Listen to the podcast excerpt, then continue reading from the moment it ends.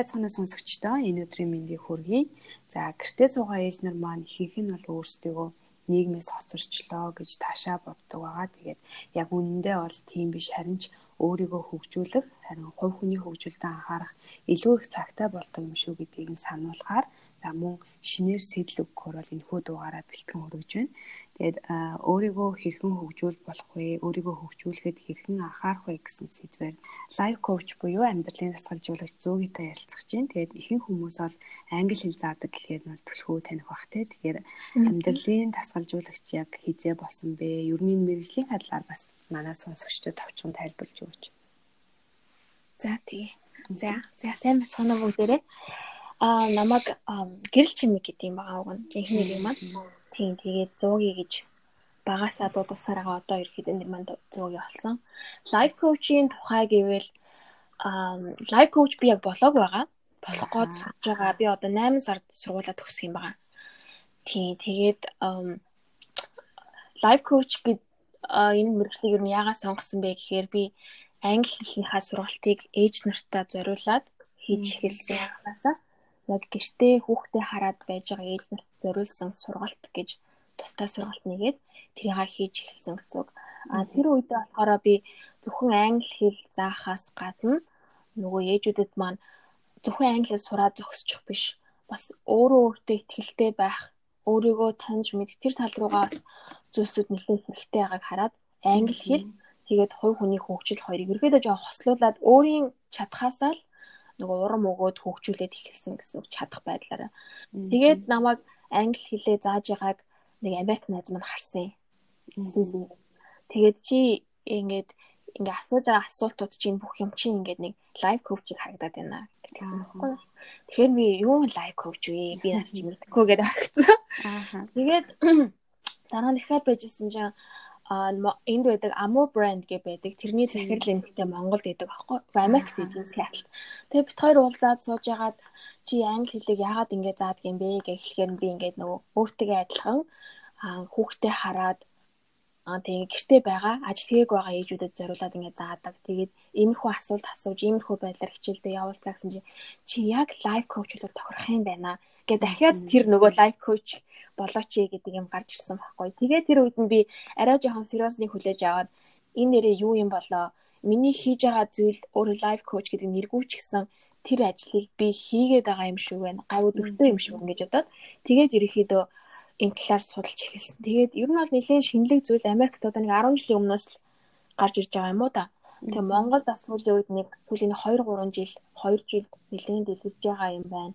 Тэгээ лайф коуч гэдэг хүн юу юм бэ гэж судлаад үзсэн чинь лайф коуч гэдэг нь чиний одоо яг хаана байгаа вэ гэдгийг тодорхойлоход аюух тусалдаг хүн юм байна. Хаана байгаагаа бид нар аюух нь мэдэхгүй явдаг яг одоо би яг хийн миний чадамж юу юм миний чадах зүйл юу юм гэдгийг нь мэдэхгүй. Би өмнө нь ийм байсан. Би өмнө ийм сайн байсан. Эсвэл би ийм муу байсан гэх тэрнгүүрээ явдаг. Гэтэл одоо хаана байгаагаа тодорхойлцохоор хаашаа явах нь бас ойлгомжтой болчдөг юм байна л да. Тэгэхээр хаана байгааг нь тодорхойлоход нь туслаад тэгээ хаашаа явахд нь тусалдаг хүний ерхийдээ лайф коуч гэж хэлээд байгаа юм байлээ.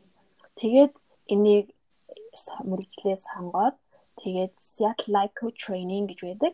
Тэрэнд аппликейшн өгөөд нэлээд байж сонгогдсон тэд нар чи айгүй хэцүү сонгодог юм байлээ. Тэгээд процесс нас миний хувьд нэлээд чанхан дэсэн. Тэгээд а азар тэгээд сонгогдоод тэгээд одоо хичээлээ эхлээд одоо барыг дуусч ин дөө. Нэлээд одоо яваад тий. Энэ түрүүний бас яг миний дурдсанчлан ихэнх ээжүүд маань гэртээ сууснараа өөрийгөө бол нийгмээс тусгаарлагдчихлаа, хоцорчлоо гэдэг мэдрэмжийг авдаг штэ тий. Тэгэхээр э, ер нь яг юунаас үүсдэг мэдрэмж гэж боддог вэ? Нэг мэдээж бас яг өөрийгөө хөгжүүлж эхлэхийн тулд юун төрөнд энэ таагүй бодлоод бас салах хэрэгтэй баг тий. Аа. Тийм би өөр дээрээ жишээ аваад жоохон яриа гэж бодлаа. Манай охин одоо бараг 2 ой хүрч байгаа. Тэгэхээр би яг жил гарангийн өмнө хүүхдээ хараад ингээ гэртээ байжсан гэсэн. Миний хувьд бол нэлээ идэвхтэй байхыг хүсдэг. Яг жирэмсэн байхдаа бол би яг нөгөө soft self college-гээ сургуульдаа сурч исэн. Яг төгсөх төгсөж исэн л доо. Тэгээд 3 сарын хугацаатай чөлөө аваад яг гэртээ хүүхдээ хараад байсан байхгүй. Жирэмсний хамгийн сүүлийн сар тэгээд төвчний дараах 2 сард нь гэртээ байсан гэсэн. А тэр үед юу мэдрэгдсэн бэ гэдэг талаар ярил л да.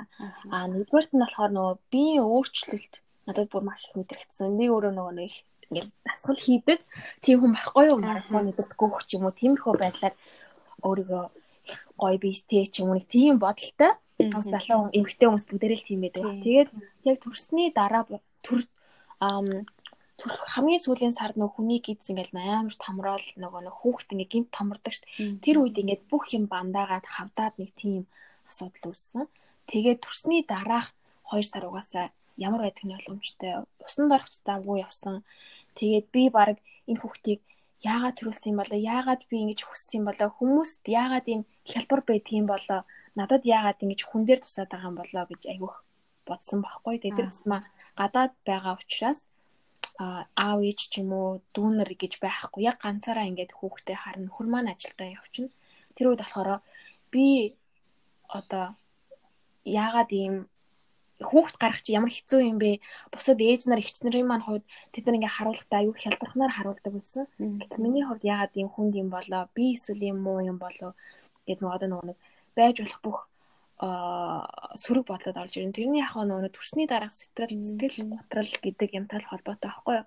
Тэрийг бид нар сайн мэддгүү. Би тэрийг жирэмсэн байхдаа маш их судалж эхлээд тэгээд яг нөгөө гормоны өөрчлөлтөөс болоод энэ бодлого нөгөө үүсдэг юм байна яг бодит биш зүйлсүүдийг бид нар одоо өөрөө яг бодит юм шиг болгож бодож эхэлдэг гэсэн үг байхгүй юу? Сэтгэл утрал ихтэй байгаа. Сэтгэлийн одоо хямрал нэлээд дэв зүгтэй хүрсэн. Тэгээд маш нэг эмзэг болчихсон бүх юм тэгээ энэ болгон ч юм болохоор буцаал нэг гормоны өөрчлөлтөд холбоотой болчих жоох юм витамины бид тийм их өөрчлөлт орсноос болоод. Тэгэхээр энэ ерөнхийдөө би физиологийн болоо сэтгэл санааны тэгээд хоёр юм маань нийлээд хүчин зүйл маань нэгдээл бидний яг тэр төрсний дараах сэтгэл готрол гэдэг юм хэлсэн. Тэгээд тэгээд нэг тийм болоод тэгээд би тэрийг бас өөр юутай холбож бодсон бэ гэхээр бид нар яг жирэмсэн болохоос өмнө ч юм уу ингээд маш их нийгмийн харилцаанд орж исэн. Одоо ингээд мундаг ажил хийдэг те. Аа байнгын ажилдаа өглөө ажилдаа яваад орой ирдэг, эсвэл найз нөхдөдөө уулздаг, хичээлдээ явдаг. Тийм байж итэл бид нар нөгөө нэг одоо яг гэртээ байх үедээ хүүхдээ хараад байх үед бидний яг хийж байгаа ажил юу вэ гэхээр яг нөх хүүхдээ харах аа тэгэл нөө хүүхдийнхаа бас эзэмэрлэх тий хоолыг хийх гэд иймэрхүү ажлууд өрнөж байгаа учраас бид нар болохоор нөө толгоон дотроо юу хийвэл би илүү мундаг гэж харагдах вэ гэд бодох үед нөө ажиллаа хийж байгаа ингээл тэр хүмүүс маань ингээ мундаг санагдаад байдаг. Гэтэл нөө ээжийг хийж байгаа тэр байдал маань мундаг нэг айхтар тийм чухал ажил биш юм шиг чухал ажлыг мэдж байгаа юм шиг хэрнээсээ биш юм шиг санагдаад идэг учраас ер нь ингээд бид нарт маш их нөлөөлдөг. Тэгээ сошиал медиа бас үнэхээр их нөлөөлж байгаа. Өмнө бид нар тэрийг мэддэггүй байсан бол сүүлийн үед нөгөө хүн болгон хамгийн сайхан зүйлсээ бид нарт харуулах гэж сошиал медиа дээр тавьж байхад бид нар тэрийг хамгийн өөрийн муухайтайгаа харьцуулдаг. Өөрийн усан дараагүй хүүхдэд тэргээд ингээд сууж байгаа тэр үснэ арзаас нь сууж байгаатайгаа харьцуулдаг. Тэгэхээр тэр аюун шудраг бус хүмүүсийн хамгийн сайхныг өөрийн хамгийн муутай муухайтайгаар харьцуулахаар өөртөө нэг аюул шудраг бас хандаад байна гэсэн үг байхгүй. Тэгэхээр сошиал медиа гэсэн илүүдэд танилцуулж байгаа л. Ааха. Энэ одоо яг хүчин зүйлсүүдээ бол өөрөө ойлгочлоо штэ тийм. Ээжнүүд ээжүүд маань ч гэсэн ойлгочлоо. Тэгтэл бас нөгөө таагүй болоод маань салдгүй штэ тийм. Энэ хүмүүс ийм гоё яхад би ингээл гэртээ сууж идэг гэх. Юунаас эхлэх вэ? Одоо ер нь өөрийгөө хөгжүүлэе гэж бодож байгаа ээжүүд маань юунаас эхлэх хэрэгтэй гэж зөвлөх бол Юунаас эхлэх хэрэгтэй вэ? гэхээр хүмүүс одоо олон ээжүүдийн бодлоор ийм бодол байгаа юм. Би хүүхдээ хоёр нас хөрөнгөтл нь би ингэн гэдэг нэг тийм ойлголт байгаа даа байхгүй юу? Хүүхд маань хоёр нас хүрэхээс нас би юу ч хийх боломжгүй гэдэг нэг тийм нэг зааг тавьсан. Тэгээд би охиноо хүүхдээ хоёр нас хөрөнгөтл нь би ажилдаа орно. Хүүхдээ нэг хоёр нас хөрөнгөтл нь би нэг одоо сурна ч юм уу тий хүүхдээ 2 нас хүрнүүтэл нь би шинээр юм сурна гэдэг нэг тийм зааг тавьсан учраас 2 нас хүртэл нь би юу ч хийж болохгүй би юу ч хийж боломжгүй би уусаа чадахгүй гэдэг нэг тийм нэг майндсет гэх юм уу да тий суудсан гэсэн. Тэгэхээр тэрийг өөрчлөх хэрэгтэй. Би хүүхдтэйгээ байх энэ хугацаанд надад надад хүүхд маань л байна. Хүүхдээс маань өөр хинч миний цагийг ингээ хулгайлах боломжгүй болчихсон. Хулгайлах гэж яг муухай хэлчихсэн. Ингээ миний цагаас хуслах боломжгүй. Хүүхдтэйгээ байна гэдэг маань уусаа хамгийн нандин цаг. Тэгэл болоо. Миний хувьд одоо хинч намайг ажил хийгээч гэхгүй. Би заавал шинэ юм сурыг гэж ийшээгүй хөхгүй. Тэг ингээ нүн бүх юм чи ингээ холдуулаад ирэнгүүт би хүүхд маань байна. Үлдсэн бүх цаг хугацаа миний хувьд надад зориулагдаж ашиглагдах юм а гэдгийг ойлгочвол болно гэсэн үг. Тэгээд одоо яг сургалтанд сууж байгаа ээжүүдийгээ манай ээж нар асуудаг байхгүй багшаа манай охин жоохон одоо 3 сартай эсвэл 7 сартай би чадах болов гэж асуудаг. Тэгэхээр би ингэдэг байхгүй хүүхд чинь унтдаг өө. За унтдаг тий.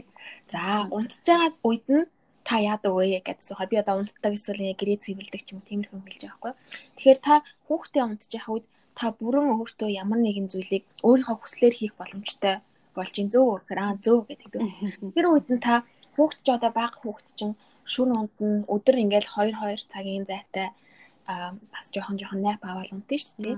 Тэр үед нь та аль нэгийг нь өөртөө зориулчихвал та яг тэр цаг хугацаа өдөр болгон тэрийг давталттай хийгээд хахад чинь тэр чинь маш их цагийг зөвхөн өөртөө зориулчих чинь гэсэн үг байхгүй юу гэдэг нэг. Тэгэхээр нөгөө нэг хүүхд хүүхдтэй байх цаг маань нандин төвлөсөн цагуудаа хинч намайг заавал тийм хий ажиллаа хий мөнгө олж ир гэж шахахгүй учраас би тэр цагийгаа зөвхөн өөртөө зориулъя гэдэг тийм шийдвэрийг гаргачих болно гэж би бол хувьдаа бодоод байна. Аха. Аа өөрөө чинь бас яг нэг найзуудын тухай нэг пост явсан шүү дээ. Айгүй олон хүн төрсэн. Тэр бас яг постыг яагаад бичих болсон талаараа жоохон ярьж өгөөч. Аа тий. Наача би энэ талаар ерөөсөө нэр ярьж байгаагүй юм шүү дээ. Би хүртэл яг өөрийн чинь яг нөгөө зочноор урахаасаа өмнө өөрийнхөө пэйж дээр хүртэл шеэрлсэн юм байлээ. Тэгээд дараа нь яг өөрийн чинь бичсэн пост гэдгийг мэдсэн. Тэгээд яг асуумаар санагдаад заахгүй юу. За би жоох удаан ярьж магадгүй хаш үзээ энэ зүйлүүдээр. Нэлээ урт урт нөө төөх учраас аа тэгээд би яг төрснийхөө дараа одоо яг Сиэтл яг одоо болохоор би яг 3 эмэгтэй найзтай. А гурал гурал Америк эмэгтэй байдаг. Тэгээд би дөрүүлээ ингэж ирэхэд найзлаг гэсэн. Тэгээд тэрний маань Маргарет гэд найз маань одоо баг хүүн 7 8 сартай болсон уу тий. Тэгээд анх төрх үед нь бичижсэн пост байхгүй юу? Тэгээд би болохоор яасан бэ гэхээр төрсний дараа надад бүр үнэхээр хүн байсан. Нөхөр маань 2 3 хоног амраад тэгээ ажилдаа орсон. Америк дугаасаа залуу хсуудын амьдрал бол үнэндээ хэцүү бидний амьдрал. Нөхөр маань хоёулаа ажил хийж ерөөхдөө амьдрал маань болно гэсэн үг. Хэрвээ нэг нь ажил хийхгүй байхад үнэхээр орж ирж байгаа мөнгө нь бүр ингээл яг ингээл бүх юмдаа яс таарал бүр ингээд нэг ч төгрөг илүү гардггүй. Тэгээд би жирэмсэн. Тэгээд хүүхд төрсөн учраас бид нарт маш илүү их зардал гарна гэсэн хүүхдийн эмчилгээ, эм тариа, тэгээд pampers тэгээд хоол унднаас эхлээл ингээл хүүхдийн суудал тэрэг гэл маш их зардалтай. Тийм учраас нөхөр маань хүсэжсэн ч би хүсэжсэн ч нөхөр маань гэртээ байж чадаагүй. Тэгээ ажилдаа орсон. Тэгээд яг ингээд гэртээ эхний 10 хоногт би ингээд байж ах бүр хин нэгэн орж ирээд Ингээд хүүхдийг маань 5 минут ч болтоо тэрврээд өгөөсэй гэж би бүр үнэхээр хүсэж исэн. Бүр ингээд өдөр болго уйлдаг байсан байхгүй айгуу сонио. Ингээд нөхөр маань ингээд ажилдаа явлаа гэж ингээд яана гэж тэгдэг. Тэгээд ингээд хүүхдээ барайл ингээд уйлал маш их ядарсан хүүхд маань сайн унтахгүй. Тэгээд би нөгөө эмнэлэгт 3 хоног өвдсөн байхгүй хамгийн гол нь. Нилийн нөгөө хожуу төрөлтөөсөн болохоор 3 хоног өвдөө тэрэндээ маш ядарсан.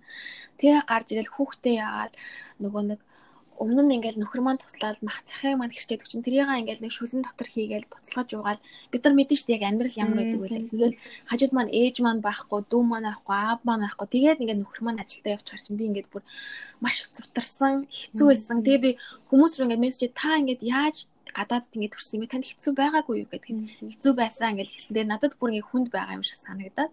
Тэгээ би тэр үед нь юу гэж бодсон бэ гэхээр өмнө нь Монголд байхад найзууд маань олон төрж исэн тэр үе дээр яагаад ингээд тусалж байгаагүй юм болоо. Би одоо хэрвээ найзууд маань туслаад би яаж туслах вэ гэдгийг мэдчихлээ. Би гэрт нь ороод хүүхдийг нь унтчих үед нь 30 минут шалтгаан бариад өгчих хэрэгтэй юм байна. Би хоол хийгээд арайчаад өгчих хэрэгтэй юм байна яг хэрэгтэй юмнуудыг нь бэлдээд өгчих хэрэгтэй юм байна. Ядаж гэрт нь ороод тоосыг нэг удаа харцаад өгчих хүн хэрэгтэй гэдэг юм байна гэл яг надад юу хэрэгтэй байсан бод төр тэр болгоныгоо найзуудтай үнэхээр тусалж өгөндөө гэж бодсон гэсэн. Тэгээд бодцоод байжгаад манай найз маань намайг төрөөд жилийн дараа төрсөн. Тэгээд одоо нөгөө чи яг л за би одоо найздаа яг нөгөө хэрэгтэй юмар нь туслана гэд бодсон. Тэгээд найз маань төрсний дараа 7 хоногийн дараа яасан мэхээр найзуудаараа нийлээд бид нар юм нөгөө нэг хуваар гаргасан байхгүй юу? Аа. Өдөр болгон хин нэгийг очие. Очихдоо одоо шин шүл хийгээд очие те. Яг нөгөө найзд маань юу хэрэгтэй тэрийг нь бэлдээд очие гээд. Тэг ингээ хуваар гаргаад өдөр болгон хин нэг хөө очихоор болсон. Тэгээ 7 хоногт нэг удаа л очиж таарч байгаа гэсэн үг. Тэнгүүд л би болохоор 7 хоног болгоно нэгд өдрийг авсан. Нэгд өдөр болохоор миний амардаг өдөр байсан. Тэгээд тухайн өдрөө би өглөө нэлээд эрт босоод юу шүл хийгээд сайхан далайн байцаа мацтай шүл хийгээд. Тэгээд манай найз яг нөгөө махныг сайн идэггүй болохоор би байцаатай, төмстэй, ловнтай, дахианы махтай гээд жижигэн жижигэн баншнууд хийгээд яг л нэг хялбар болгож өгөөд. Тэгээд махаа хэрчээд, дахианы мах хэрчээд тэгээд бас нэг гурил илдэж хэрчээд тэгээд ингээд авчиж өгсөн байхгүй. Тэгээд бүгдийг нь хөрөгчөнд нь ингэж аваалж хийж өгөөд шүлээн аяганд хийгээд аваачиж уулгаад тэгээд найзыгаа идчих хооронд нь хүүхдийн тэрж ингээд суугаад Тэгээд тэр хоёрыг жоохон унтчин гутал нь гэрийнх нь эргэн тойрноор яваад гэрийн сайхан цэвэрлээд тэгээд ерөнхийдөө явж исэн гэсэн. Тэгээд 7 хоног болгоно нэгт өдөр тэгж исэн. Тэгээд тэр үед маань найз маань болохоор бүр ингээд хэний ч бодоогүй зүйлсийг ингээд чи хийж ийна гэд хэлсэн байхгүй юу. Тэгээ бүр үнэхээр их баярлсан. Тэгээ Америк хүмүүсийн хувьд бол тэр ингээд байдал нэг байдаггүй учраас бүр ингээд үнэхээр их баярлаа. Бүр ингээд яг ингээд над хийгээд өгөөсэй гэж хүсчихсэн зүйлсүүдийг маань хийж өглөө гэд тийх үед нөө яг л нөгөө нэг зовлонтой хүмүүсийн хазавлан ойлгодог гэдэг шиг ээжүүд төрсний дараа л ойлгодог юм байна гэдгийг мэдсэн. Тэгээд сая болохоор манай Эми гэдэг найз маань сарын өмнө төрсөн. Тэгээ Эмидээ Маргарет болохоор яг адилхан хийж гисэн гэсэн. Тэгэхээр бид нар нөгөө би өмнө бодож байгаа юм л да Монголд байхдаа ч юм уу төрсэн найзууд дээр очихоор нэг сар гарны дараа л очдог шүү дээ. Нэг очихдаа ингээд би choco pie, nabor модод би ингээд компот дээр авдаг гэсэн. Тэгээ би бид нар бүр үнэхээр бүр яагаад хэрэг болдгоо тэрийг бид нар аваач өгсөн нэртэй найз маань хүлээж авсан нэртэй бол тэрийг нөхрөө ч юм уу дүүн ч юм уу ингэдэг яг нөгөө жирэмсэн ихт маань хэрэг болох зүйл яг тэр биш байсан юм байлээ гэдгийг ойлгосон. Тэгэхээр хоол унд цай тий тиймэрхүү юмнууд үнэхээр хэрэг болдог. Тэгээд дараа дараа явда тэрийг айгуу сайн мэд хэрэгтэй мэн гэж та. Тэгээд тэрийг би яг үндэ төрөөгүй хүн бол үнэхээр мэдхгүй бодохгүй юм билээ. Тийм учраас тэрийг ядаж иргэн тойрны маань найзууд маань бас мэдээсэй гэж хүсээд пост оруулсан. Ааха. Монголд бол тийштэй те ер нь бол баг ээж дээрээ эхний сар дээрээ байдаг ч юм уу ихэнх хүмүүстэй. Тэгээд нөгөө найзууд нь ч гэсэн их ер нь бараг анзаарахгүй шахуу тэгэл өнгөрчдөг штэ. Манаас яг нөгөө Солонгост байдаг найз маань сая 100 ирээд яг тэр постыг унснийхаа дараа надад ирж тусалчихсан байхгүй. Тэгээ би Оо ямар гоё юм бэ тий. Тэгээ би ямар их ачтай буянтай пост ээ гэдэг тухайд бас айгүйх баярлж исэн. Тэгээ манаас ээжүүд нэлийн хүрсэн баха гэж бас бодож байна. Ээжүүдээс бас нэлийн талархсан захиа мах авсан бах та тий. Тий талхсан захиа бас амнаа хаяа байнга шээ. Тэгээд ямар ч гэсэн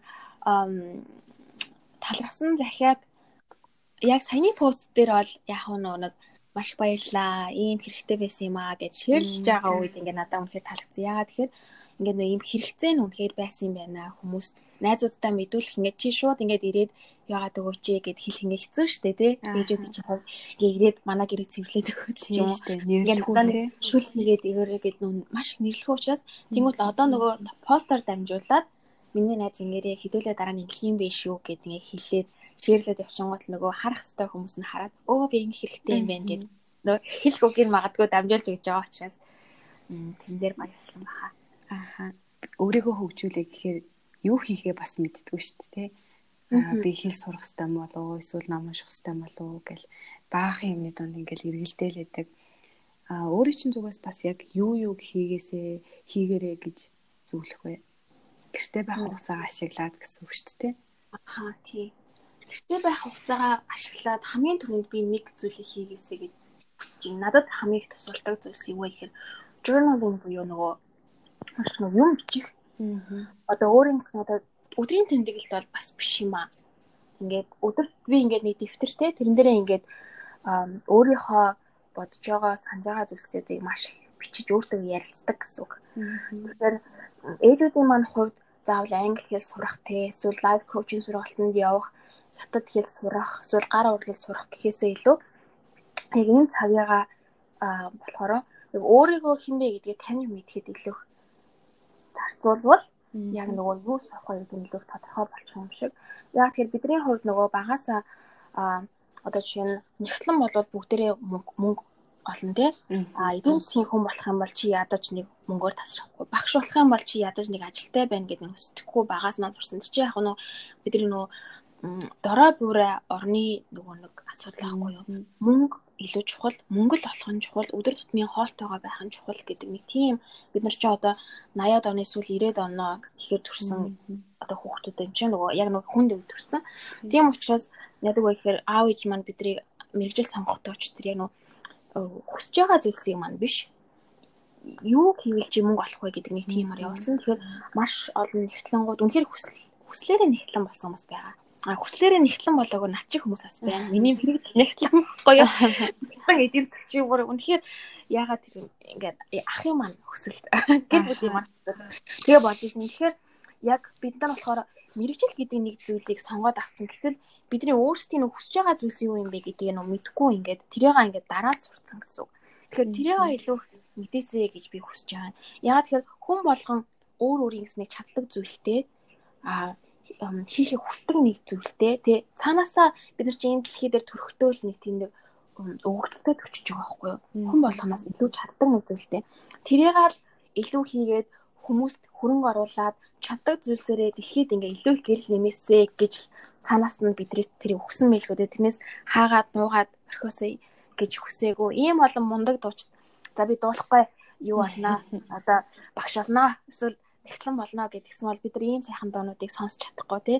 Зохиолч зохиолчд чадл ийм мундаг инженерүүд бүгдээрээ адилхан гэсэн. Тэгэхээр тэр нэг зүйлсийг бодох санах ухаарах цаг хугацаа биднэрт баг байгаагүй. 10 жилдээ ч тэр оюутан болоод ч тэр ажил хийж явах үедээ. Тэр тэнгуул одоо би чинь өөртөөсөө нэг хүүхдийг бий болгоцсон те ингээд надаас гараад ирсэн. Энэ хүний ирээдүй надаас хамаарна гэд бодох үедээ энэ ч гэсэн дэлхий дээр ямар энэ хүүхэд ямар зоригтой ирсэн бол гэдгийг бодох үедээ буцаагаад би өөрөө яг ямар зоригтой ирсэн юм болоо?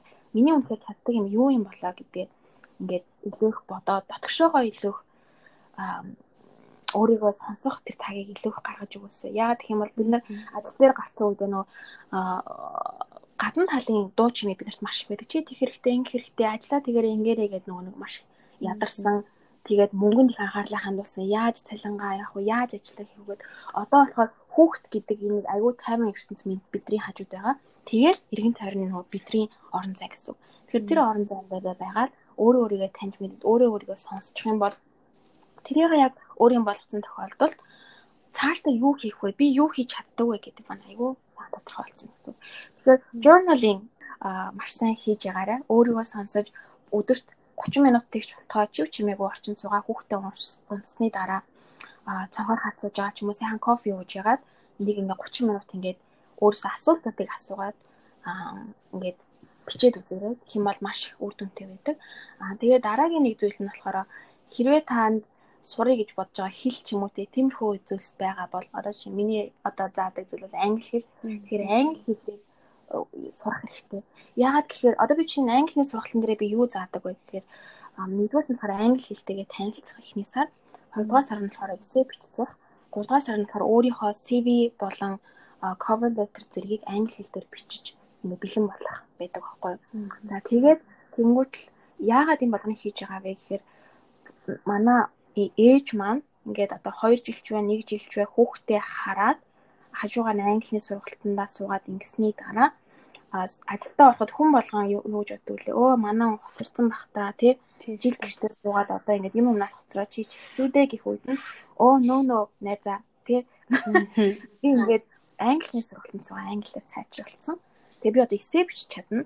Cover letter CV бүхэн маань англи монгол хэл дээр ингээ бэлэн байгаа гэдэг хүний өмнө нүүр улаахгүй ингээ бариад очих зүйлтэй байгаасай гэж ерөөдөө хүссэн гэсэн. Тэгэхээр нөгөө нэг ажил хийж байгаа үедээ хүний маань би асуулт руу орох гэдэг. Ажил хийж явах үед ингээд биднэрт цаг зав маш их бага байдаг. Хүүхдүүдээ харна ажиллаа хийн гэл ингээл ингээд өглөө сэрэл орой унтах хооронд л ингээд маш их завгүй байдаг штеп. Гэтэл одоо биднэрт арай илүү хэрвээ өөрөө би олгож чадах юм бол цаг зав байгаа учраас тэр үедээ өөрийгөө хөгжүүлээд авчих юм бол ажилдаа ороход бүр илүү нөгөө завгүй байсан хэдээсээ төрүүлж халах боломж гарч ирнэ гэсэн үг байна. Яа. Аха. Бас яг нөгөө өөрийгөө чагнаад дуртай зүйлээ олоорой гэд хэлсэн ч гэсэндээ дуртай зүйл маань юу гэдгээ олж чадахгүй ойлгохгүй юм гэдэг хүмүүс олон байдаг шүү дээ. Тэгэхээр бас яг өөрийнхөө жишээнээс ярил илүү хүмүүс хүрх юм болов өөрөө ер нь англи хэл заах туртай юм байна. Англи хэл сурах туртай юм байна ч юм уу те. Энийг яаж юу анх мэдчихсэн бэ? Аа за бати англи хэлээ би чинь уул нэг багасаа сурсан байхгүй юу? Өөр нэгдүгээр ангиасаа эхэлж сурч исэн. Тэгвэл хэрний англи хэлийг чадахгүй маш удаан явсан байхгүй юу?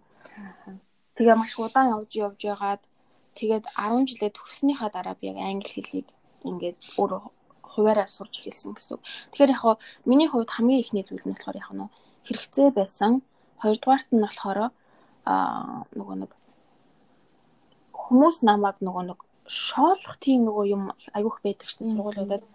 Чи англитай муу, даа хичээлтэй муу зөө ч юм. Тиймэрхүү зүйлс надад 10 жил яг байсан байхгүй. Тэгээ би нөгөө хөдөөнөөс шилжиж ирсэн хүүхэд байсан учраас улаан хацартай дэлгүүдийн хувьд сунарны хувьд муу гэл нөө олон асуудал байгаа. Тэгээ тэр үед тиймэрхүү зүйлс тохиолдож исэн болохоор нөө хор шар гэдэг юм ч гэсэн яг үндэ бас байсан гэсэн.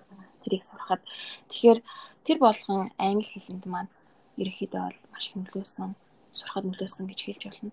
Аа гэхдээ яг гоо тэр бол англи хэл сурах бол миний хэрэгцээ байсан. Аа энэ нөгөө нэг англи хэл заах маань болохоор яг нэг дуртай юм аа болчихж байгаа байхгүй яг чиний нэг асуулттай холбогддог. Тэгэхээр энийг юун дээр толгуурлах вэ гэхээр би нэг аюу олон зүйлс хийж үзсэн гэсэн үг. Аа одоо за одоо нөгөө нэг маш их сайн дурын ажил би маш их хийдэг байхгүй юу. Тэгээ тэнд очны хичээл заагаад, тэнд очны гар урлын юмд суугаад, тэнд очны хөгшчүүлийн асрамжийн газар сайн дурын ажил хийх үедээ аль нь надад илүү их нөгөө кайф? Ингээд хийгээд хийж явах үедээ би цагийг анзаарахгүй хийдэг те. Хийгээд дуусныхаа дараа хөөх би юм хэм хийсэн байсан юм уустаа мэдсэнгүү штэ гэдэг тийм а одоо мэдрэмж надад байх юм бол энэ ингээд миний би энийг хинээч жил яаж ч хийсэн буцаагаад энэ маань ямар нэгэн байдлаар нөгөө надад тийм нөгөө зовлон шаналл те нэг дарамт болохгүй юм байна гэдгийг ойлгоод авчна гэсэн. Тэгээд би яг төгснөхийн дараа тэр нөгөө Монгол ээжүүдтэй туслая гэж бодох үедээ би юугаар тусалж чадах вэ гэж бодсон гэсэн. Тэгэхээр бусдад нөгөө нэг тусалж чадах юм чинь л буцаагаад бас чиний нөгөө нэг чаддаг зүйл чинь л болж байгаа гэсэн үг байхгүй. Хүмүүс гэдэг чи аюун мундаг хоол хийдгээ. Эсвэл чи станараа нүүр бодохтай сайн шүү гэдэг ч юм уу те. Чи ингээд чимхлэр юм да аюун мундаг шүү гэж нөгөө тэр тэрмөр ч хүмүүс танаас тусламж авдаг. Буцаагаад тэрийг хийхдээ танд өөр чи ингээд маш а хязгаарч дарамт болдоггүй харин ч маш кайф сэтгэл ханамж авдаг бол тэр чинь яг нөгөө таны чаддаг зүйл хийхийг хүсдэг зүйл чинь гэсэн үг бодоод хавшиж чинь гэсэн. Тэгэхээр нөгөө энэ болгоны одоо тэр англи хэл заах энэ хүсэлтэйгээ энэ буцаад энэ кайф өгдөг зүйлээ олж явахдаа тэр нөгөө нэг бүх арга замыг хэрэглэсэн гэсэн. Өнгөө хийгээд үзье. Туслаад үзье.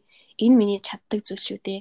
Ингээд чаддаг чаддаг зүйлсээ туслаад үзье. А тэрний дараа бүр үнэхээр чадах нь ингээд яг суглаад суураад үлдчихэж чинь гэсэн байхгүй юу.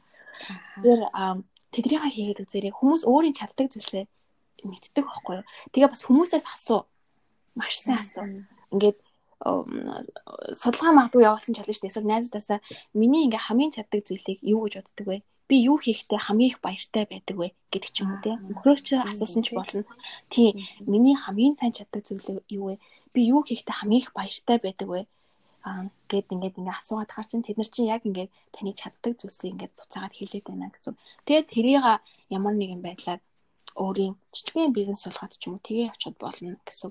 Тэг хүн болгон заавал мундаг хуульч болохгүй хүн болгон заавалчгүй аа одоо одоо орон судлаач те мундаг нягтлан ийм менежер болох албагүй. Тэгтээ хүн болгон зүгээр өөр өөртөө чаддаг зүйлсийг хийгээ явчихад нөгөө нэг дэлхийн ертөнцийн айгүй олон нөгөө цэцэгтэй гой гой цэцэгтэй юм шиг болчихно гэсэн үг байхгүй. Тэгэхээр заавалчгүй би ийм мэрэгчлээ явах хэрэгтэй, оффист суух хэрэгтэй гэхээсээ илүү өөрийнхөө чаддаг зүйлсийг буцаагаад хүнд тусалж чаддаг зүйлсээ тэрийг жижигхэн бизнес болгоод ээжүүд маань аваа явчих. Ер нь ингээд өөрт нь ч гэсэн капта буцаагаад айгүй бусдад өгөөчтэй байна гэсэн. Аха. Тиймэрхүү л байна. Аха. Би одоо энэ асуултыг асуухгүй бол алдс болох байхаа. Гэртээ суугаа ээж нар маань ер нь хинхэн л одоо англи хэлээ сурыг за үгүйа сайжруулъя гэж сууж байгаа бах тий. Юунаас эхэлэх үү? Яах ёстой вэ? Одоо эсвэл одоо сургалтанд сууя гэж бодож байгаа хүмүүс сургалтанд үнэхээр суух хэрэгтэй юу гэж бас асуугаад байдаг шүү дээ тий. Тэгвэл би өөрөө яг ингээд бие даах хэрэгтэй юу? Аль нь зөв бэ? Яг хэрэглээний англи хэлтэй яг ямар англи хэлийг сурахыг хүсэж байгаагаас хамаарна гэсэн. Ямар англи хэл гэж хэлж байгаа нь юу гэсэн үг вэ гэхээр хүн болгоны хэрэгцээ ондоо. Зарим хүмүүсийн хувьд болохоор хүүхдүүдийн хувьд IELTS юм уу TOEFL-ийн шалгалт өгөөд дэлхийн мундаг нэр хүндтэй сургуулиудад орё гэсэн хүмүүс байгаа. Аа зарим хүмүүсийн хувьд болохоор би хүүхдийнхаа хичээлийг одоо англиар сууж эхлэхэд нь заагаад хүч хэмжээний англи мэдлэгтэй болмоор байна. Зарим нь болохоор гадаад руу явахдаа би хоолоо яд захиалаад идчихдэг хэмжээний мэдлэгтэй болохыг хүсэж байна гэсэн тийм нэг ондоо ондоо байгаа гэсэн. Тэгэхээр яг TOEFL IELTS-ийн шалгалт өгөөд явандаа гадаадд яваад хурдтай сурах гэж бодож байгаа хүмүүсийн хувьд үнэхээр мундаг сайн сургалт олоод сураад явах нь хэрэгтэй. Тэр нь бол үнэхээр зөв алхам болно. Тэгэхгүй яг нь өөрөө сурна гэж наагур цаагур ингэж явах нь цаг алдуулах магадлалтай. Тэгэхээр үнэхээр сонирхолтой төгөө сонгочод бол тэр маш сайн. Аа үгүй бол зүгээр өдөр тутмын англиас сайжруулъя те хүмүүстэй яг сурыг найз нөхдөг ойлголцыг кино үзээд ойлгодог болъё хүүхдүүдтэй туслая гэж байгаа хүмүүсийн хувьд өөрөө гэрээсээ л эхэлчих хэрэгтэй. Яг байгаа байгаа зүйлсүүдээрээ. Аа одоо би өөрийнхөө нэг жишээг ярил л да. Би яадаг байсан бэ гэхээр ямар нэгэн байдлаар би гадаад хүнтэй маргааш уулзах боломж надад гарнаа гэдэг ч юм уу те. Тэрийг мэдж байгаа тохиолдолд бол би яадаг байсан бэхээр өмнөх өдөр нь нэг өгүүлбэр цэжлэдэг байсан байхгүй. Манай ээж нь үг цэжлэх хэрэггүй өгүүлбэр цэжлэрээ. Тэгээ өгүүлбэр цэжлэх маань ач тус нь юундаа гэдэг нь үг цэжлэхээр одоо чинь breakfast гэдэг өглөөний цай гэдэг үг байлаа. Үг цэжлэхээр юу ч хэлэх юм байх нь breakfast breakfast гэж нөгөө хүн рүү тэгээд байна ш. Тэрний оронд what did you eat for breakfast? Тийм ээ. Like what time did you have your breakfast гэд. Өглөөний цайнаа та юу уусан бэ? Хэдэн цаг цайгаа уусан бэ гэдэг ч юм уу. Тэр нэг өгүүлбэрийг цээжилсэн тохиолдолд хүн болгоноос очиод асуух боломж танд гарч ирнэ гэсэн үг. Одоо нэг өнөр хүн орж идэг what did you eat for breakfast гэд асуухад нөгөө хүн маань маш их зүйлс буцаагаад хариулаад хэлнэ гэсэн үг тий. А тэнгуут тэр дундаас нь та харилцаа үүсч чинь буцаагаад нөгөө хүн маш их олон зүйл хэлж явах үед нь а ийм эд тийм ээ хариулгатай ингэж хэлдэг юм байна гэд мэдээд харна. Тэгээ тэрийг би ингээд тойроод маш олон хүмүүсээс ингээд асуугаал явдаг байсан. Тэгээ маргааш нь уулзж байгаа мэдэн бол хуучин өгүүлбэрээ нэг асууна. Дахиад нэг шинэ өгүүлбэр асууна гэсэн ингээд цээжлээд тэгж явсаар гад ирэхэд харилцаагаа бий болгодог байсан. Одоо өгүүлбэрүүд цээжилдэг байсан гэсэн. Тэгээд ном маш сайн уншиж хэрэгтэй. Өөрийнхөө төвшөнд тохирсон орой олгон ном нэг хуудас унших хэрэгтэй. Гэтэ унших үедээ ойлгохын тулд унших шаардлага бас байхгүй гэсэн үг. Заавал ингээд бүгдийн нэг хүчлээ ойлгодог байх шаардлагагүй. Яа одоо тэр тунаас юу бий болох гэдэг нь гэхээр орой болгон нэг хуудас ном уншсанараа та үг маш сайн нүдэлж аавна гэсэн үг. Ингээд одоо нэг хуудсан дээр гарч байгаа бүх үг өөр гэсэн үг биш шүү дээ.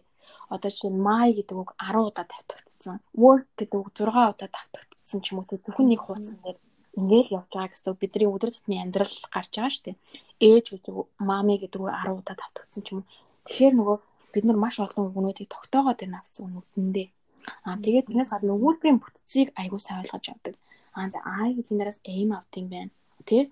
My гэдгийн дараа work гэдэг нэг өгүүлбэр нь орж ирд юм байна. Өгүүлбэрийн бүтэц тогтоогдоод явчихна гэсэн. Тэгээд can уншснараа нөгөө хүний маань дуудлага маш сайжирдаг байхгүй. Өөрийгөө сонсож ингээд сонсно гэдэг бол нөгөө маш чухал өөрийнхөө буруу зөрүү бүгдийг нь мэдэх боломжтой гэсэн. Тэг өөрийгөө рекорд хийсэн ч болно. Тэгэхээр эн чинь бас дахиад гэртээ хийх боломжтой зүйлсүүд. Тэгээд та маш олон үг нүдлээд яваад байвал ингээд бид нар ингээд гадуур явж байхдаа энэ үг амар харсан үг гэтээ ямар үг үлээ гэдэг бид нар тэгдэг шүү дээ. Гэтээ мэдтгүү. Тэгмээ тэр үгээ нэг удаа толь бичгээс хараад өө эн чинь ийм үг байхгүй юу гэдэг дараа нь дахиж хизээж мартагдахгүй гэсэн. Тэр чинь юутай холбоотой гэнэ мэдхгүй ч гэсэн нөгөө англи үгтэй ном уншаад байснараа бидний нүдэнд ингээд тогтоогдсон маань одоо бидний оюунд монгол хэлээр ингээд ороод тогтоогдчихж байна гэсэн. Тэгэхээр зүгээр ингээд өдөр болгон үг цэжснээс илүү үр дүнтэй гэсэн. Тэгэхээр ер нь бол өөрийн гэсэн арга барилыг бий болгож аваад маш олон англи хэл сурах юмуд байгаа. Зөвлөгөөнүүд онлайнаар байгаа.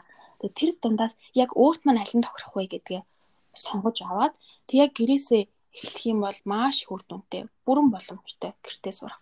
Манай сурагчдад бол гэрээсээ сурж байгаа бүгдээрээ л гэрээсээ сурж байгаа. Тэгээд биднээс сонсоод бол багшаа би ингээд иймэрхүү иймэрхүү арга барилыг өмнө ашиглаж ийсэн гэд.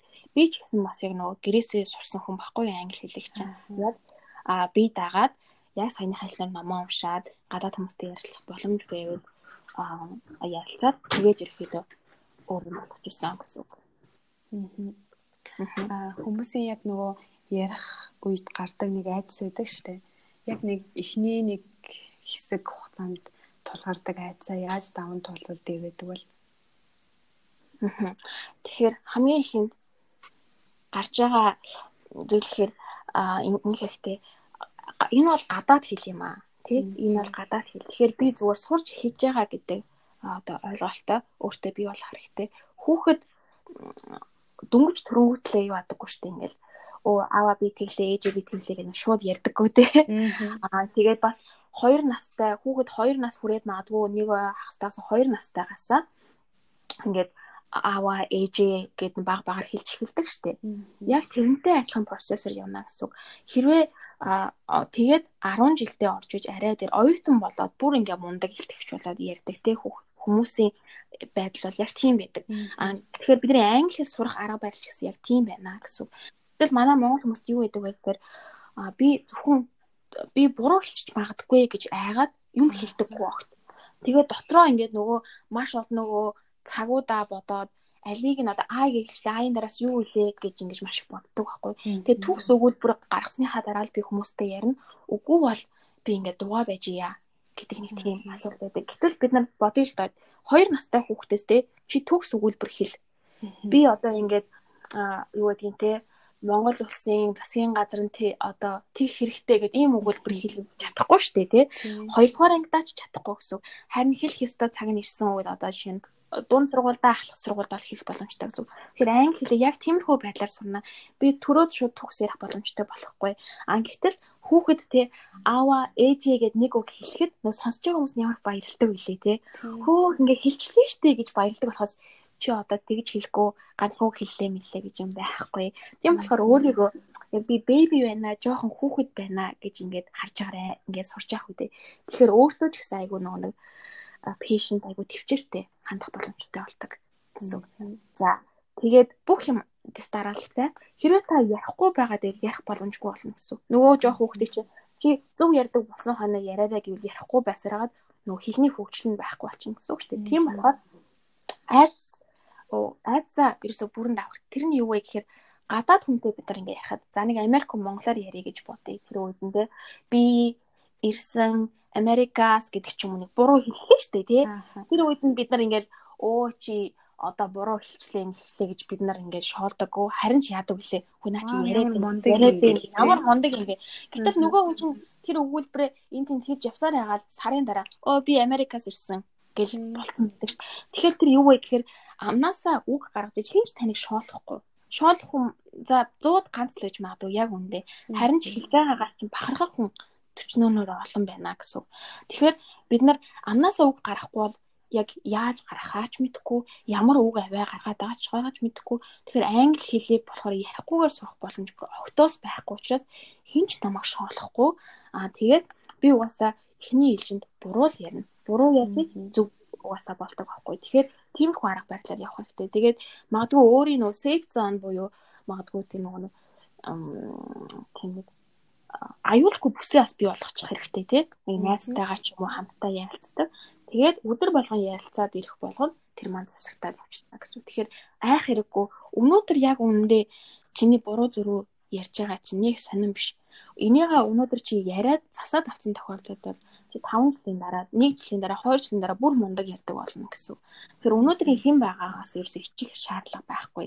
Харин ирээдүйд би нөгөө нэг би хичээ танаа би буруу ярьчих болов гэж айж ийна гэсэн хэвээрэл баах юм бол та харин өөрөөсөө ичих хэрэгтэй. Тэр чинь ичих зүйл байхгүй юу? нөгөө би чадахгүй байна гэдэг зүйл чинь харин одоо мэдгүй байгаа зүйлээ мэдхийн тулд хичээж байгаа бол огтоос ичих зүйл биш. Харин өөрөөрөө бахархах хэрэгтэй тийм зүйл гэсэн үг байхгүй. Тэгэхээр би яахгүй хинч намайг шоолохгүй хүн шоолохгүй хахад буцаагаад ичих гэдэг зүйл байхгүй болчихно гэсэн үг шүү дээ. Тэгэхээр шоол шоолохгүй байх магадгүй тэр хүрээлэлээ бий болгочих хэрэгтэй.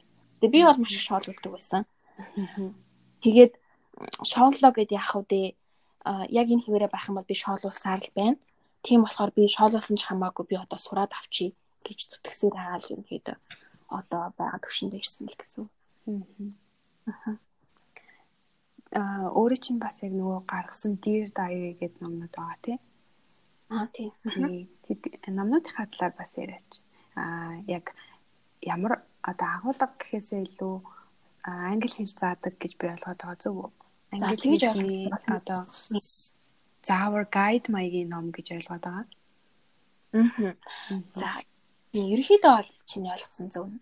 Тэгэхээр би түрүү хэлжсэндээ англи хэлийг өөрөө хувьдаа сурахын тулд юу юу хийх хийж болох вэ гэдэг ганц нэг юм. Ном уншаарай гэд хин нэгтэй ярилцаарэ гэд. Тэгэхээр би а англи хэлийг өөрөө би дад сурч байхдаа би яадаг байсан гэхээр ингээд нэг газраас ч бол харилцан ярианы ном аваад нөгөөдхөө цээжлэгч штэ нөгөө хүнтэй бас ярилцахын тулд идэг байла. За тэгэнгүүтлээ нөгөө нэг ном уншихын тулд очиод нэг ном хөдөлтөж авдаг байла. Орой болгон нэг хуудас ном уншихын тулд юм уу те. Тэгээд дайри бичээд өдөрт юу болсныгоо ингээд чадсан чадаагүй буруу зүг чамгүй бичээд байх дэвтэр хөдөлтөж авдаг байлаа гэж. Тэгээд би сүүлд нь бодсон байхгүй юу. Би өөрийн англи хэл сурсан энэ арга барилуудаа надад хамгийн их сурсан арга барилуудаа нэгтгээд нэг ном болгоод яг нэг системтэй бусад хүмүүст гаргаад өгчүүл энэ ямар их хэрэг болох болоо заавал сургалтанд суухгүйгээр өөрийнхөө ингээд сурах арга зам байгаа шүү гэдгийг ингээд харуулъя гэж ерөөдөө бодсон гэсэн. Тэгэхээр өөрт хэрэг болсон тэр бүх систем арга барилуудаа нэгтгэхэд нэг ном болгоод гаргацсан байхгүй. Ном гэхээсээ илүү дэвтэр ном хоёрын хослол гэсэн. Тэгээд 60 хоногийн хугацаатай байдаг. Яагаад 60 хоног байдаг вэ гэхээр аливаа хүн ямар нэгэн зүйлийг 60 хоногт хийхэд тэр нь өөрт нь зуршил болоо үлддэг гэж би уншсан байхгүй юу. Тэгэхээр зуршил бий болгохын тулд 60 хоногийн хугацаатай ийм дэвтэр номны хослол тасгал ажлын ном гэдэг шиг л юм тий. Тэгэхээр дотор нь юу байгаа вэ гэхээр одоо ингээд энэ бол ийм юм гэж заасан юм бол огтоос байхгүй. Аа тэгтээ хийх зааварчилгаа нь байгаа гэсэн. За тэгэхээр өдрийгөө яаж эхлүүлэх вэ гэхээр одоо хоёул нэгд өдрийг яриа л да тий. Нэгд өдрийг гэлээ гэхэд дээдлэлт нь ингээд та нарт ингээд зориулсан урам үгс байгаа гэсэн үг. Тэрийг ингээд сайхан орчуулчин ингээд хараад тэгсний дараа унших их байгаа. Унших ихүүд маань болохоор ерөөдөө Америк хүүхдүүдийн 1 2 3 дугаар ангийн хүүхдүүдэд зориулсан тийм ихүүд гэсэн. Тэгэхээр нөгөө нэг англи хэл сураад явж байгаа дөнгөж ингээд дунд шатны анхан шатны хүмүүст бол яг боломжтой гэсэн. За тэрийг уншаад тэрэн дотроосоо яг нөгөө нэг чангаар уншаад тий өөрийгөө сонсоод тэгээ явж боломжтой гэсэн. Тэгээ тэрэн дотроосоо шинэ үгээ хаах, шинэ үгээ бичих тэрний хэсгийг бас оруулчихсан. Аа түүнийхаа дараагаар болохоор idiom буюу нэг хэл зүгнүүд оруулсан. Бид нар нөгөө Америк хүмүүстэй англи хүмүүстэй ялцсан нэг хэл зүгийг нь ойлгохгүй учраас юу гэдэг байгааг нь ойлгоодгүй. Тийм учраас хэл зүгнүүд оруулж өгч байгаа. Тэгээд аа цаашаа яваад юунуудаа аа бас харилцан яриа байгаа. Монгол хүмүүс одоо чинь өдөр тутмын амьдрал хамгийн хэрэглэгддэг харилцан яриануудыг оруулаад цээжлээд ярилцах боломжтой байгаа гэсэн. Тэгээ хамгийн сүүлд нь болохоор дээр дайри буюу дайрига бичих хэсэг ингээ оруулж өгсөн гэсэн. Тэгээ 7 хоног болгон бүтэн сая өдөр дууны өдөр гээд бас дуу ингээд оруулж өгсөн байгаа. Тэгэхээр ингээд яг нэг энэ болгоныг өөрөө өдөр тутамдаа хийгээд яваад байхад таны англи хэл тэр хэрвээрээ сайжраад яваад байна гэсэн үг. Тэгэхээр надад тусалсан арга барилуудыг бүгдийг л зэгцлээд нэг ном болгож гаргасан гэсэн үг байхгүй юу? Аа. Түрүүн бас яг өөрөө хэлсэн шүү дээ. Хүүхдээ унтчих хооронд өөрөө юу хийдэг вэ гэд. Ээжнэр маань болохоор одоо яг өөртөө яаж цаг гаргах вэ? Цагаа яаж зохицуулах вэ гэж айгүйх асуудаг л да. Тэгээд өөрөө чинь хувьд бас яг өөрөө ээж хажуугаар нь сурж байгаа тий. Тэгээ бас хүмүүст англи хэл зааж ийн. Өөрийнхөө туршлагаас бас хуваалцаач. Яаж цагаа зохицуулдаг вэ? Өөртөө цаг гаргах тал дээр болохоор а би ямар ч гэсэн ажиллах амрах ажил амралтаа ерөөхдөө зохицуулах хэрэгтэй гэж үздэг. Тэгээд 7 хоногийн 6 өдөр ажиллаад одоо хүүхдээ ч гэсэн харна л гэсэн үг л дээ. Тэгээд 7 дахь өдөр болохоор яг өөртөө зориулаад бүр юу ч хийхгүй яг амардаг гэсэн. Тэр үедээ би яг нөгөө нэг өөрийнхөө тархийг цэвэр цэвэрлээ те зэгцлээд одоо яг юу хийх хэрэгтэй яах хэрэгтэй вэ гэдэг нөгөө урам зоригоо яг тэндээс авдаг гэсэн. Тэгэхгүй бол маш ажил гаргах тийм байдаг. Аа тэгсний дараа болохоор хийх ажил руугаа маш хурамтай ордог гэсэн. Тэгээд гол зүйл маань болохоор би шүнийхээ нойрыг маш сайн авч чаддаг. Шүн яг одоо охиныгоо унтахад ерөөдөө дагаад унтчихдаг гэсэн орой 10 маргагаар. Тэгээ өглөө 6 цаг магадгүй 5 цаг ч юм уу гэд босчдаг. Охин маань бас тэр үед ерөөдөө жоохон нөө 8 9 цагаас хичээлдээ явдаг болохоор 8 гэж сэрчин. Тэгээ тэрнээс өмнө би ажлаа амжуулж авахын тулд өглөө босож ажиллаж суухаас өөр аргагүй болдог гэсэн. Тэгэхээр өглөө босоод хамгийн түрүүнд би жоохон ном уншаад түүний хэлсэн журнал жоохон хөтлөөд тий а заримдаа болохоор гадагшаа би гараад алхацдаг байхгүй юу манай нөхөлтийн замтай тэгээ жоохон гарч алхаад юм бодоод тэгээд яваад ирэхээр ихэд аюу цэцлэгдээд яг би өөртөө тэр цагийг яг зориулж гаргаж юм гэсэн. Тэгээ буцаж орж ирэхэд дахиад надад нэг бүхэл бүтэн цаг байдаг. Тэгээд тэрэндээ хэцүү амжуулдаг гэсэн. Аа тэгээ хоёрдугаар нь би нөө зурагч ерөөсөө үздэггүй байхгүй юу. Манай гэр ер нь зурагт үздэггүй. Зурагттай л да. Тэгээ зурагтай болохоор сүүлийн үед юунд ашиглаад байна гэхээр охин маань дуу сонсоход нөө baby shark гэдэг сонсоход ирэхэд ашиглаж байгаа. Тэгээд би болохоор яг нөө үздэг нэг хідэн нэвтрүүлэгтэй тэрийг яг нөө тухайн цаг нь болонгууд гаргаж үзчихэд тэгээ буцаага зурагтаа унтраачдаг. Тэгэхээр нөө зурагтны өмнө сууж ингээд удаан ингээд цаг үрэх ингээд байдал ер нь ихэд бол байдаггүй гэсэн. Яг тэгвэл зурагтаар бол мэдээж бидний сонирхлыг татах үзүүлэхэл зүйлсүүд гарч байгаа шүү дээ.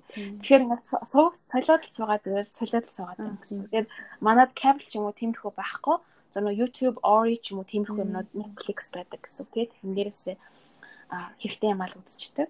А өөр нэг зүйл нь болохоор яа ингээд тайван би ингээд ерөөхдөө ингээд нэг суудаг юм аа. Яг цай угаад нэг 5 10 минут суусан. Бусад үедээ яг ингээ юм амжуулаад явж идэг. Тэгээ охин маань болохоор тэрэнд маань жоохон тасцсан.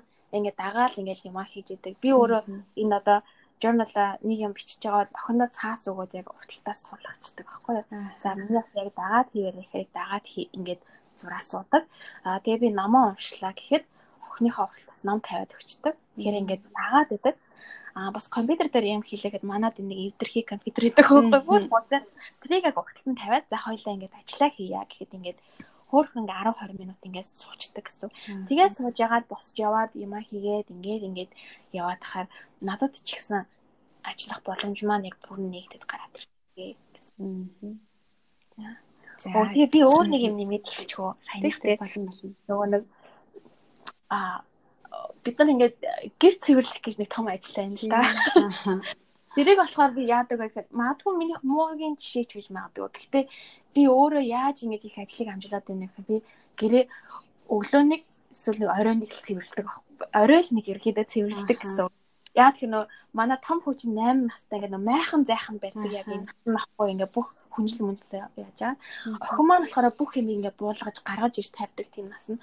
Тэгэхээр дагаад цэвэрлэхээр бүр ингээд амар ядардаг би. Маш өдөржингөө л цэвэрлээд харна. Өдөржингөө цэвэрлдэг. Тэгээд аав нь орой оройд ингэдэг байхгүй юу? Хөөх яагаад ингэж ядарсан юм бэ гэхээр би өдөржингөө цэвэрлээ. Гэтэл нөгөө хүнд маань ингээ харагддаг байхгүй юу? Ингээд а тэгвэл би өөрөө тэрэндээ амар стресстэйдэг. Би өдөржингөө ингээд ингээд ингээ хийлээ гэдэг. Тэрэндээ би маш их ядарсан. Орой ороод тэр нөхрийгөө орж шууд ууртай тийм ээждэг. Тийм болохоор би яадаг за зүгээр та нар месс хиймээр байвал те муухай олгомоор байл муухай олгоорой. Наад хатаа муухай олгоорой гэж ингээ орхичдаг. Тэгээ хоол ундаа хийчээд ингээд аягаа ингээд нэг аягаар муухай болсон байл угаадаггүй би бас тэгээд орхичдаг.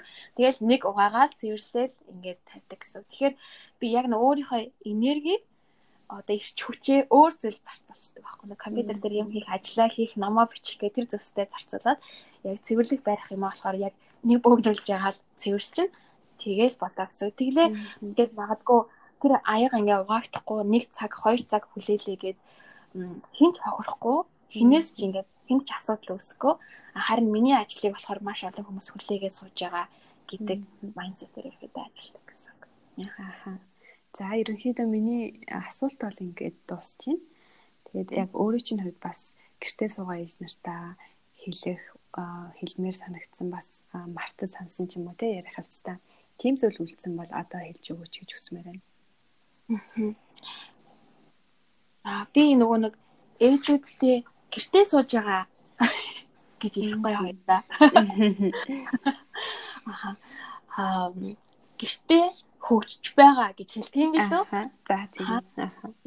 Тэгэхээр өөрсдийгөө та яаж харахаас шалтгаалаад бусад хүмүүсээ тань тэгж харна. Тийм болохоор өөрөө өөртөө нэг аюул хайртай байгаарай.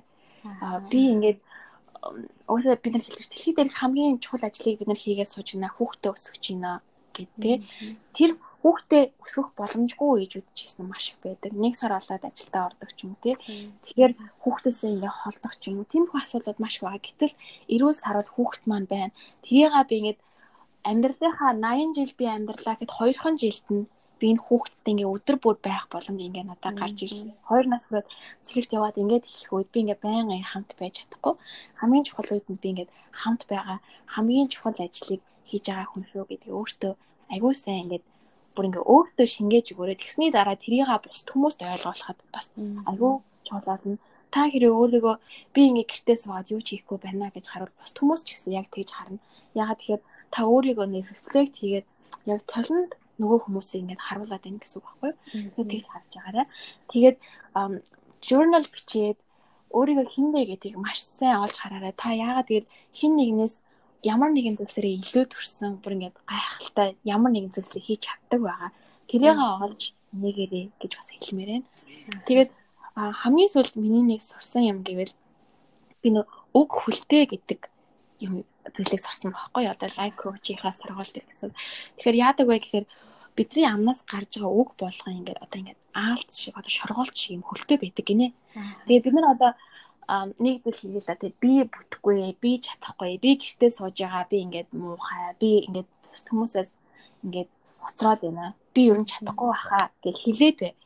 Тэр чинь ингээд нөгөө өгнөд чинь ингээд аалт шиг ингээд амнаас чинь ингээд гарч гүгээд дэлхийн хаанаас ч хамаагүй тэр их чинь ингээд зөөгöd аваад ирдэг гэж байгаа байхгүй. Чиний таны амьдралд хүртэл байгаагүй тэр зүйлийг дэлхийн хаана л бол хаа нэгэн газар тэр муу мухаа ярьж байгаа юм чинь байгаа авч ирээд буцаа таны ам дотор ороод дотгошоо ороод таны дотор ороод суучдаг гэж байгаа байхгүй. Тэгэхээр ямар муухай вэ те? А гэтэл та одоо хилээд яа өөртөө би хамгийн чухал ажлыг одоо хийж байна. Би чадна. Би гайхалтай. Би мундаг аахгүй юу? Би одоо өнөөдөр энийгээ би амжуулна би үнэхээр чадвартай эмэгтэй. Би бол хамгийн сайн ээж гэд өөртөө хэлээд тэгмэл нөгөө нь өгнөд чинь дахиад ингээл бужигч гарчгүйгээл аа тийм эргэн тойронд байгаа хамгийн сайн сайхан зүйлсийг буцааж түүж авчираад таны дээр ороод суучин гэсэн.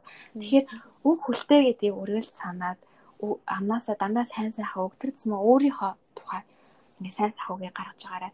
Яг түрүүний хэлсгээр өөрийнхөө тархитлогоо нь би хинбэ би хамгийн сайхан хүн би хамгийн сайн ээж би хамгийн сайн ажлыг хийж ийна гэж суулгачвал танаас тийм л үг гарна гэсэн үг шүү. Тийм болохоор манайхаа өөрөө өөртөө хайртай байгаарай. Дандаа сайн сайхан хэлж байгаарай гэж хэлье. Аха.